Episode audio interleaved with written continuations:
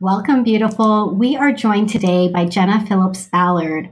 Jenna began her career in 2006 as a certified personal trainer and life coach for celebrities and has been featured on Dr. Phil and the Doctors. Halfway through her career, she realized that she had a bigger calling. She's on a mission to motivate and inspire as many people as possible to become leaders and make this world a better place. In 2016, she co founded Ascension Leadership Academy with her husband, and together they have coached hundreds of people into their greatness. She is also the founder of Unicorn University, an online membership community where women never spend another day being beige, broke, or behaved. Welcome, Jenna. Thank you for having me. It's so great to be here. Uh, I'm so excited. I'm so excited that you're here, Jenna, because oh gosh, I have so many things I want to talk to you about. But let me give a sneak peek to everybody listening. I got to be a part of Ascension Leadership Academy with Jenna and her husband, changed my life. And I had to bring you on, Jenna, to share you with our tribe because your mission, the work, everything you're doing, all of it, all of it, your unicornness gets to be shared with the world. Thank so you. let's, you. you're welcome. Thank you. So let's start with you. What's your story? What's my story? Well, I have so many. And this is what's so great about, you know, like sharing my stories because, you know, it depends on who I'm speaking to in the audience because I have something that I think a lot of people can relate to. But where I'm feeling most called to like really speak into right now is how I ultimately broke through my limiting beliefs and my fears. And, you know, my story really, I have so many sources of where I started to believe that I was not worthy, where I started to believe that I wasn't enough, that I couldn't accomplish fill in the blank. And no matter what I did, it was never enough. And that really, I mean, I, have a few different sources of that, but I'll speak about one that I think a lot of women can relate to. And I was bullied when I was growing up. I felt like I could never fit in. I felt like I wasn't enough. I felt like, I mean, I moved around a lot. So I was a new girl quite a few times. And so it was really this time in my life where I really just wanted to be, I was never a mean girl. I was always a nice girl. And so I never really understood that whole mean girl complex. And, and I really got to the point in my life where I just started to think that whatever they were saying to me and about me was true, which had me feel like I'm not enough, I'm not cool enough, I don't fit in. And so I started to really entertain that complex. And that carried into my high school years and well into my senior year. And when I was in my senior year of high school, I got to this place where I started to feel really depressed and question my validity and my value and my worth. And I used to lay in bed at night and fantasize about being able to witness my own funeral because then I mm-hmm. could see show up. Then I could see who actually cared. Then I could see who actually was my friend and who actually really loved me. And I spent so much time focusing on this fantasy and this idea that I ultimately got to the place of deciding that I wasn't ready to die, but how amazing it would be if I could witness like I could see who would show up if I were in some kind of an accident. So what would it be like if I were in the ICU? What would it be like if I was in an accident that was serious enough for me to be able to have hospital visitors? And sure enough, I manifested a head trauma accident. It was, you know, a couple months later, I was decorating for a huge party I was throwing at my house for the winter ball after party.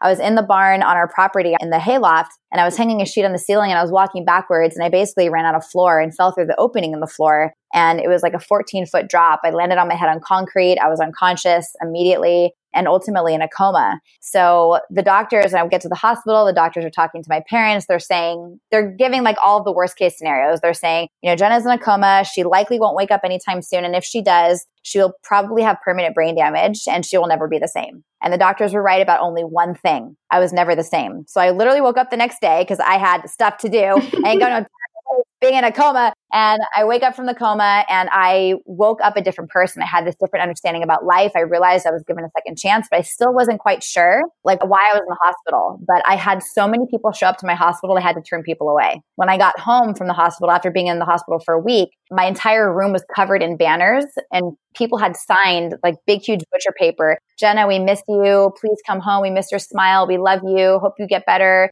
sending you wishes of love and, you know, healing and wellness and all of that.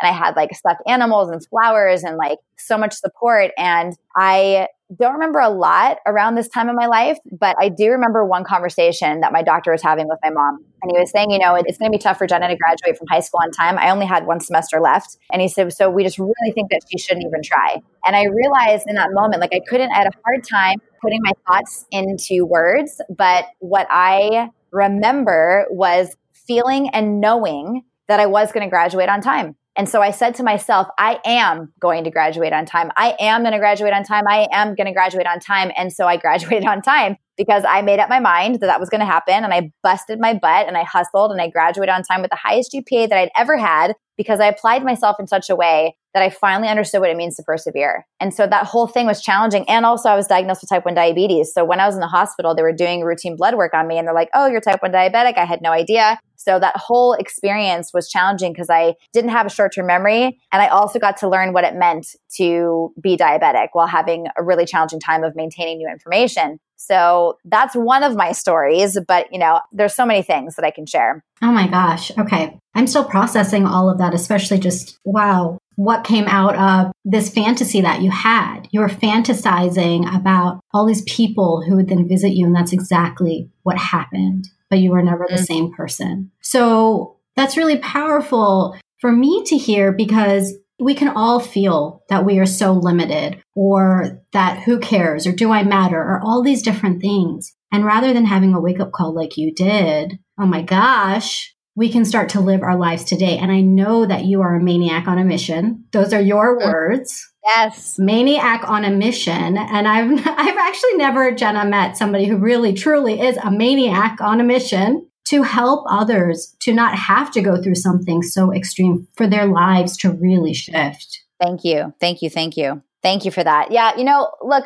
I don't think that it's necessary for people to realize who they're being or who they're not being because of tragedy. But I do want to say that tragedy and trauma and like really hard core experiences like this, like they really are designed to empower us and have us be all that we can possibly be. So, you know, I really feel called to, you know, to really stand for people to, especially like women, that you just get to know that you're enough. You get to know that you're enough. You get to know that you're powerful. You get to know that whatever it is that you're creating in your life is a direct response to experiences you've had in your past. And for those of you who are experiencing challenging things in your life right now, I want you to know this is all part of your journey. This is part of your story. You are not supposed to, like, this isn't happening to you. It's happening for you. So whatever you're experiencing in your life right now, I just want you to know that it's designed for you. And what would your life look like if you shifted your perspective about what you're going through or what you have gone through? So for those of you who have painful past and a history or stories in your life that are just, it felt like it was like the end of you. I just want you to know it's not the end of you. It's the beginning of a whole new version of you. Like the way that you choose to respond to everything in your life is ultimately up to you. And that's your choice. Absolutely. Absolutely. And that understanding too that if something's happening for you, because everything that happened to you and everything that's happened to me. I actually just went live, Jenna, right before our conversation. And it was the first time on a Facebook Live that I shared about how I had wanted to die. I also used to fantasize about a car coming and hitting me so that I would die because I didn't feel that I had anything to give to this world, that I was a wow. complete failure. And this is coming from somebody who has always tried to look really perfect and look like they have it all together and that's what everybody thinks and yeah. and sharing that story vulnerably because yes, each of us has a story. And when something is happening, it's happening for us. Now I get to share that story and help other women and the work that you're doing to help other women to believe that they are worthy, that they are enough. The challenges that are happening are not because there's something wrong with you. It's because mm. I really believe there's something greater, that there is something calling. Yeah. So, Jen, absolutely. Where did you go from this place? Because you have done a lot of things, but what is something that has really stood out to you as really being the pinnacle of starting to make that difference? I would say after my whole experience of being diagnosed with diabetes and recovering from my head trauma accident, I became really passionate about fitness. And so much so that I became a celebrity trainer. I had created a lot of success in my life and in my career.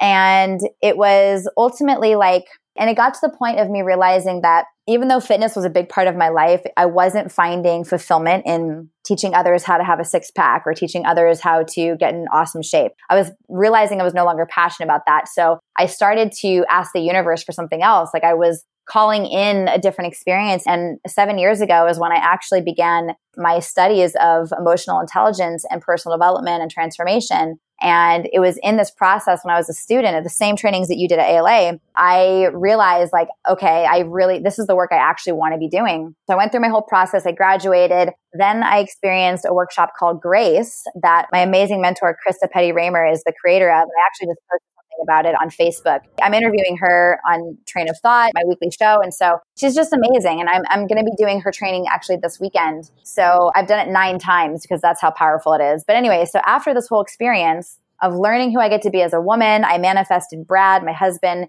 And two weeks after we decided that we were a couple, we're in relationship, we're clear we're going to get married. He's my soulmate, I'm his soulmate, we're twin flames, all of that. I was on vacation with a couple girlfriends of mine and I was raped by a man that I barely knew when I was on this trip, on this vacation. And it completely turned my world inside out, upside down. I was in the best shape of my life at this time. So I made it my fault. I, I was, you know, basically feeling like I attracted it somehow and I don't get to, you know, I don't get to make my physical attributes my most important thing. So I was like shaming my body and I was, I started to binge eat and I never, I didn't even tell Brad that it happened. He didn't know for about a year after this whole thing happened. And it changed the way that I was showing up in my body. Like I was afraid to be sensual. I was afraid to be sexual. It really just changed everything about who I was being. And, and I was very deeply invested in personal development and transformation. So I really got to heal my entire sexual trauma by doing the work that I, you know, I offer now at ALA. I realized that I get to be a voice for women because this happens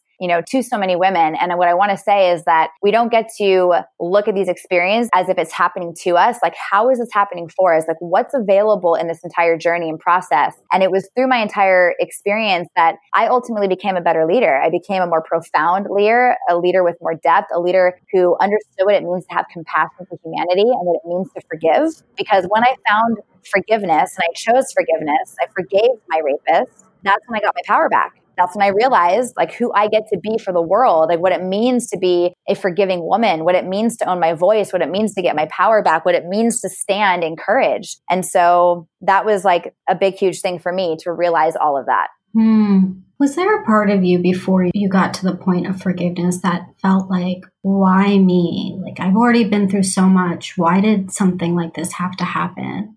You know, I think energetically, I mean, at the time I was, and I'm a big believer in responsibility. I, I, believe that I was responsible, not that the rape was my fault or that I that I deserved it or anything, but I was passed out. I had way too much to drink, and it was actually my friend's fling, like the guy that my friend was hooking up with on vacation. That when I was passed out, he raped me and I, you know, was able to push him away and stop it. But, you know, that still doesn't stop the fact that that happened. And, you know, if I had been responsible, if I had not had too much to drink, it likely wouldn't have happened. So, and that still, that does not give him a hall pass. That does not make what he did okay because under no circumstances should anyone ever invade anyone else's privacy or body or space without receiving permission first. So what he did was horrible. And I also realized that I was not being responsible of my energy and my choices at that time in my life. So it was a huge wake up call for me. Like I realized I get to be responsible with all of my actions. I get to be responsible with my body. I get to, and a lot of this realization was kind of on the heels of my transformation, the, you know, the year after, because I was like binge eating. I gained like 20 or 30 pounds after my rape. And, you know, I was really attempting to make my body uncomfortable, you know, unattractive and also literally build layers to protect myself. So it was really powerful, you know, the whole thing. And of course, if I had the choice to not have had that experience, you know, like I wouldn't wish rape on anyone. I mean, it's one of the most horrific things any any person could ever experience for any reason. Whether you're completely sober and awake and walking down the street and someone jumps you, I mean, no matter what, like it's horrible. So I really just want to say that that experience, like what I chose to take from that experience so that I could get my power back is that it had me become a leader so that I could serve women at a higher level because this happens so many women experience this and so many girls experience this and so many men and boys experience this. Like it's crazy. One in three girls is sexually abused and one in four boys is sexually abused and by the time a woman is in her 40s one in three women are raped so it's so common. And, and I don't think that people realize that. And not only do they not realize it, but so many rape and sexual abuse, like it never is even reported. So those numbers are probably incredibly skewed. And it's just crazy how often it happens and how this is something that's been going on for thousands of years. And I hear stories all the time about I was actually speaking with a student who he had admitted to being promiscuous when he was six years old, and his sister was creating that space. So they had been promiscuous with each other. They were being sexually active from the time he was three to six, I think. And he was addicted to porn by the time he was six years old. And I asked him, I go, okay, so was she ever sexually abused? And he said, yeah, by who? Our older brother. And then their older brother was abused by their dad or their uncle or something. Like it, just, it's a cycle that must be ended. Mm. And I know that my rapist, something must have happened to him in his life that would have him think that it's okay to do that to anybody else. And I know that for some, it's like they're trying to get their power back. They're sexually confused. They somehow think that that's acceptable. And it's absolutely not. So it's a cycle that I'm committed to ending. And the stigma around sexual abuse and the stigma around what it means to be sexually abused, I'm also committed to changing that conversation because women, as you know, as we're seeing right now in society, like in politics, how scary it is to come forth about something like that. Mm-hmm. Because what happens? Your character is attacked. You're made out to be a liar. You're made out to be a fraud. You're made out to be some fame whore who's trying to get some kind of like, and I can't imagine anyone who would want that kind of fame. I mean, I can't either. And what's so sad about it too is, first of all, who would want to put everything out for the public to hear about their most intimate, intimate selves? As though yeah. somehow that's going to benefit them in some way. In fact, it's probably the most difficult thing that any single woman could ever do and the amount of courage it takes. And then on top of that, as we have been seeing, for there not to be any effect. That is what is so chilling is that not only is the conversation questioning the woman who is willing to be vulnerable and courageous enough to share her story, but it is not even causing an effect in our country. And if it's not clear already, I'm speaking about the Kavanaugh case and what happened yep. and how out of 350 million people, 350 million people, we only have nine justices, only nine we need perfection. Yes, we do. I don't care what people said, boys will be boys. I don't care how old he was. I don't care. This is the person who is going to make the laws and yep. enforce our laws in this country. Yeah, he better damn be near perfect. And he was absolutely not. And the fact that he has been nominated, I mean, I just, I cannot. I cannot. I like, and it's interesting because I've had, look, like I've been reading, I watched both sides. So I've looked at Fox News, I've looked at CNN, like I've looked at both sides. I've heard both sides. I watched the entire testimony. Like I watched the testimony of both of them. I watched the trial. And it's crazy to me to think that people, like, I know that a lot of people cannot read energy, but I watched this man's testimony. He is not my experience and the way that I'm able to read energy and body language and and like cues and like the way that people do certain things, he has guilt written all over his mm-hmm. face. Like the way that he responded, the way that he reacted, the way that she responded, she was grounded, she was collected, she was clear, and she remembered every single detail. Meanwhile, our president is saying to our country, oh, I don't, she doesn't remember and she doesn't know what happened. She doesn't like, I'm watching this kind of leadership happen right now in this lifetime in 2018. And, and there are two things that are happening for me. One side, I'm infuriated. I cannot believe this is our leadership. And the other side is I've never been more inspired to stand courageously for my own leadership and empower other people to also be leaders. Mm. And I've been seeing that. I've been seeing the way that you've been showing up, Jenna, and it's been firing me up too because you're right. We can either be infuriated and feel like, oh my gosh, is anything going to change or how could this happen? Or step deeper into our purpose and calling. And, and Jenna, the way that you've been showing up for me has been incredibly inspiring because I'm ready to do that. And I know our listeners are ready to do that too. And it can be scary. It can be scary yep. to take a stand, to say something that might be polarizing, to say something that might be quote unquote offensive and have somebody react. I know those are the things that I get scared of. So how do you really let those things go to stand for what is really going to have an impact in this world? Well, here's the thing. So, this whole, I mean, there were a few days when I was allowing all this news, the fact that he was nominated and he was, you know, that he was going to be our Supreme Court Justice, like that whole thing, I found myself being enraged. I found myself being infuriated. I found myself, I literally was crying about the whole thing, crying for Dr. Ford, crying for her suffering and like how rape and sexual abuse and, you know, any kind of inappropriateness can completely ruin someone's life if you allow that. And I know that it completely got me off track for, you know, a long time in my life. And I chose to rise up and be bigger than the conversation and manage it in such a way that I had it attribute to my leadership rather than take away from it. So, you know, I understand how that, I mean, at the age of, you know, 14, 16, whenever that happens, how without the proper tools, how that can completely knock someone off of track with confidence and trust in humanity or trust in men. And so, you know, and so this whole thing, I found myself being really upset. And I made a choice to also use that to be fuel to my fire because if I I've not spoken about it this is actually the first time I've spoken about it publicly like directly about this but if you watch my videos my train of thought videos you'll see that I'm speaking about a very broad topic and I'm not speaking directly about whatever because I have people who follow me who love Brett Kavanaugh. Like they think that he would be a great whatever and they think that Dr. Ford is absolutely lying. And so my commitment is to create a message that brings us together rather than divides because right now what our media is doing and right now what our leaders want is divide because when we're divided as a people then they have power. They have mm-hmm. the power. If we as a society are all united, then we have the power. But right now, we are incredibly divided. It's like, it's either you hate Trump or you love Trump. There's really no in between. And so, like, that's really the challenge for our country right now. And what I'm committed to creating is a conversation that brings us together rather than be, you know, angry and have all this anger be the source of all of our messaging. I have this be my, you know, this, the, like the fuel rather than me coming across as angry and righteous and all of that. I'm like, how can we all be on the same page? And how can we all unify and come together and stop being so black or white. You know, like that's really what's available for us as a country right now is finding ways to come together and bring our love together and come back as a team and show up like a team. And that's my vision for for what's next for us. And what do you see for us if we were to come together as a team? What would be possible? I see love. I see responsible leadership. I see, you know, the reason why the Trump administration pulled out of the, the Paris Agreement is because this, even though they say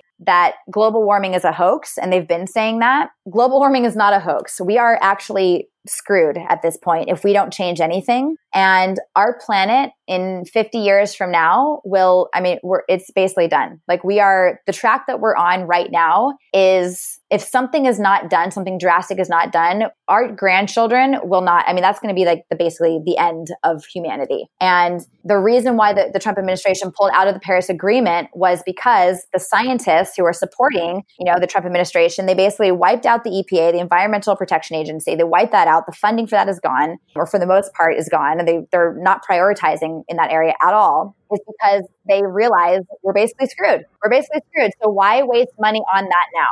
and they would rather make money now while they're alive so that they can you know benefit themselves and do whatever and they're all going to die in the next 20 years. So what does it matter to them what our world is in 50 years? Mm. so that's my commitment is responsible leadership like saving this planet truthfully saving this planet in such a way that we can reverse all of the damage that we've done to our mother earth that we can rise together we can come together we can see each other as brother and sister not us against them. And that's my vision for our planet. That's my vision for our world where our children are not potentially going to die just by going to school. Hmm. There's a lot of backwardsness happening today. And yes, I believe it's a mental health issue. And also, I believe that, you know, there are a lot of organizations that are putting money before the lives of our children. And there's an easy fix and the bigger issue is a long term fix. It's a big, like our mental health challenges in our country and the way that we deal with mental health is totally backwards. And I'm committed to teaching people how to be emotionally intelligent, how to be intelligent enough to understand where their emotions are coming from and how to guide them, how to direct them in such a way that they can be responsible with their emotions. So we get to be responsible as a country. We get to come together, rise up, and lead with love and feel safe in trusting each other. That's my vision for the planet. That's my vision for our country. I mean, the world would absolutely look like a different place and would still be here, in fact, if we had those things. Yep. It's so important. So I know leadership is a big part of what you do because I got to go through the program myself. And Mm-hmm. I would love for you to share what leadership means or looks like to our audience. What advice would you give our women about stepping into their leader? I really want to feel that question. Can you ask me one more time? Mm-hmm. I really, really want to feel this mm-hmm. this response. Mm-hmm. So I know that somebody out there is listening right now and she's ready to step into her leadership. What advice would you give her? What I want to say to every single one of you who is listening right now, I just want you to know and I want you to feel, not believe, but know. I want you to know it because to believe is to like say, I have hope or I have faith or I'll cross my fingers. But no, you get to know that you were here and destined for greatness. You were born to create something magnificent. You are unique enough to change the planet in your own unique, special way that nobody else can. Every single one of us was born with a gift. And if you're uncertain about what that gift is, be curious about it. Be an exploration of it. Do all the things so that you can really discover what brings you the most joy. What brings me the most joy is empowering women to love themselves and know that they're worthy and connect with women on stage so that I can support them in seeing what's possible standing on stage is not easy. It's scary. And my commitment to serve the planet is much bigger than that conversation. It's much bigger than that fear. So I want every single one of you who is listening right now, there is no better time than right now to stand courageously in your leadership, to stand courageously for the very thing that you want to see happen in your lifetime by being that yourself rather than waiting, waiting, waiting, waiting for somebody to give you permission. Be the permission slip yourself. Love yourself enough and love the world enough and love your sisters enough, love humanity enough to own your voice and rise up and be the encouragement, the empowerment, and the inspiration that everyone else in your space and in your environment gets to see and experience themselves. It's up to every single one of us to rise together and own who we are. Amen. Amen. And Jenna, I know that you have a special place for women like us, women who are listening, who are ready. You guys got that permission slip. You already have it within you. And Jenna basically gave it again. So I know that you've got a place where people can connect to each other and feel that support, feel that power. Where is that and how can they find you? Ah, okay. So you can find me all over social media. You can find me on Instagram. You can find me on Facebook. If you just search my name, Jenna Phillips Ballard, my full name, I'm the only one in the entire world that exists. So I'm easy to find. And uh, you can find my website, jennaphillipsballard.com. You can also check out unicornuniversity.com. And you can also check out alasandiego.com so you can learn about our trainings. And I would love to hear from every single one of you what your biggest takeaway was from this episode and would love to connect with you on social media. Yeah. And you can also find me on my free Facebook group called Unicorn U on social media. It's super easy, super free, super awesome. A great way for all of us to stay connected. And that's where you get to play with.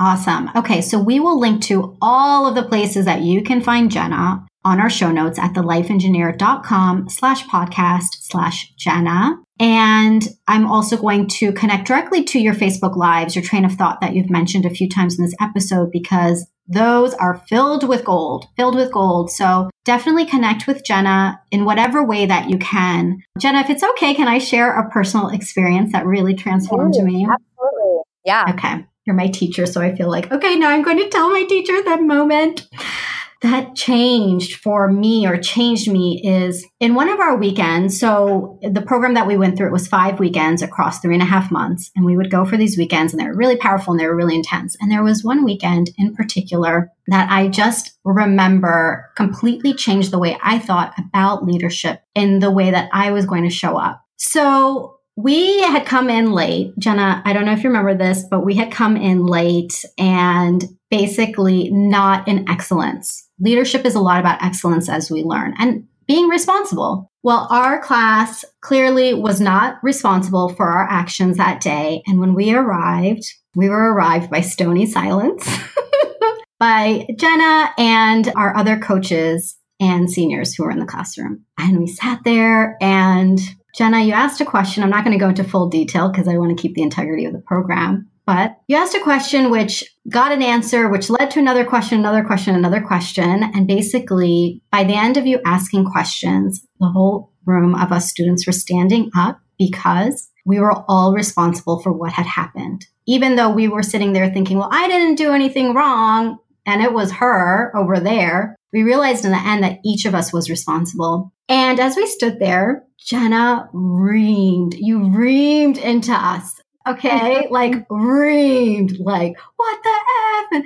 uh, who are you guys? And you guys have heard Jenna. She's really passionate, but she is the biggest love ball ever, ever, ever, ever. The more you guys connect with her, you're going to see. So here's this like really loving, powerful woman reaming into us. And I was just standing there number one, in awe, but also in complete inspiration that somebody who has admittedly said that you used to be a people pleaser is able to speak unapologetically to us because you wanted to teach us about leadership, because you wanted us to be better. And in that moment, I realized that the way that I show up in the world gets to change. That me always being nice and always smiling, and that's okay, gets to change because the deep transformation comes from the real feedback, from holding people high to their standards, for being so passionate about somebody else's growth that Jenna, you were willing to say and do something so extreme to make us wake up, to make us wake up. And so I wanted to share that with you here on this platform so everybody else could hear that too, that we get to be an impact in this world and it doesn't have to be in that shy, quiet, complacent place anymore. And I say that to myself first and foremost. And it's changed the way that I speak publicly. It's changed the way that I show up in my coaching. It's changed the way I show up as a leader. So thank you so much for that my absolute privilege, pleasure, honor, and it's been a gift to to serve you. So thank you for showing up the way that you thank do. Thank you. So Jenna, any final words or sage advice before we hop off? Oh, I'm just sending so much love to every single one of you. Thank you for listening. Thank you for listening with an open mind, open heart, open ears. And I cannot wait to hear from you on social media and hear about what you're up to, what you're committed to creating in your life. And Shazia, girl, thank you so much for having me on your podcast. Thank you today. so much for joining us.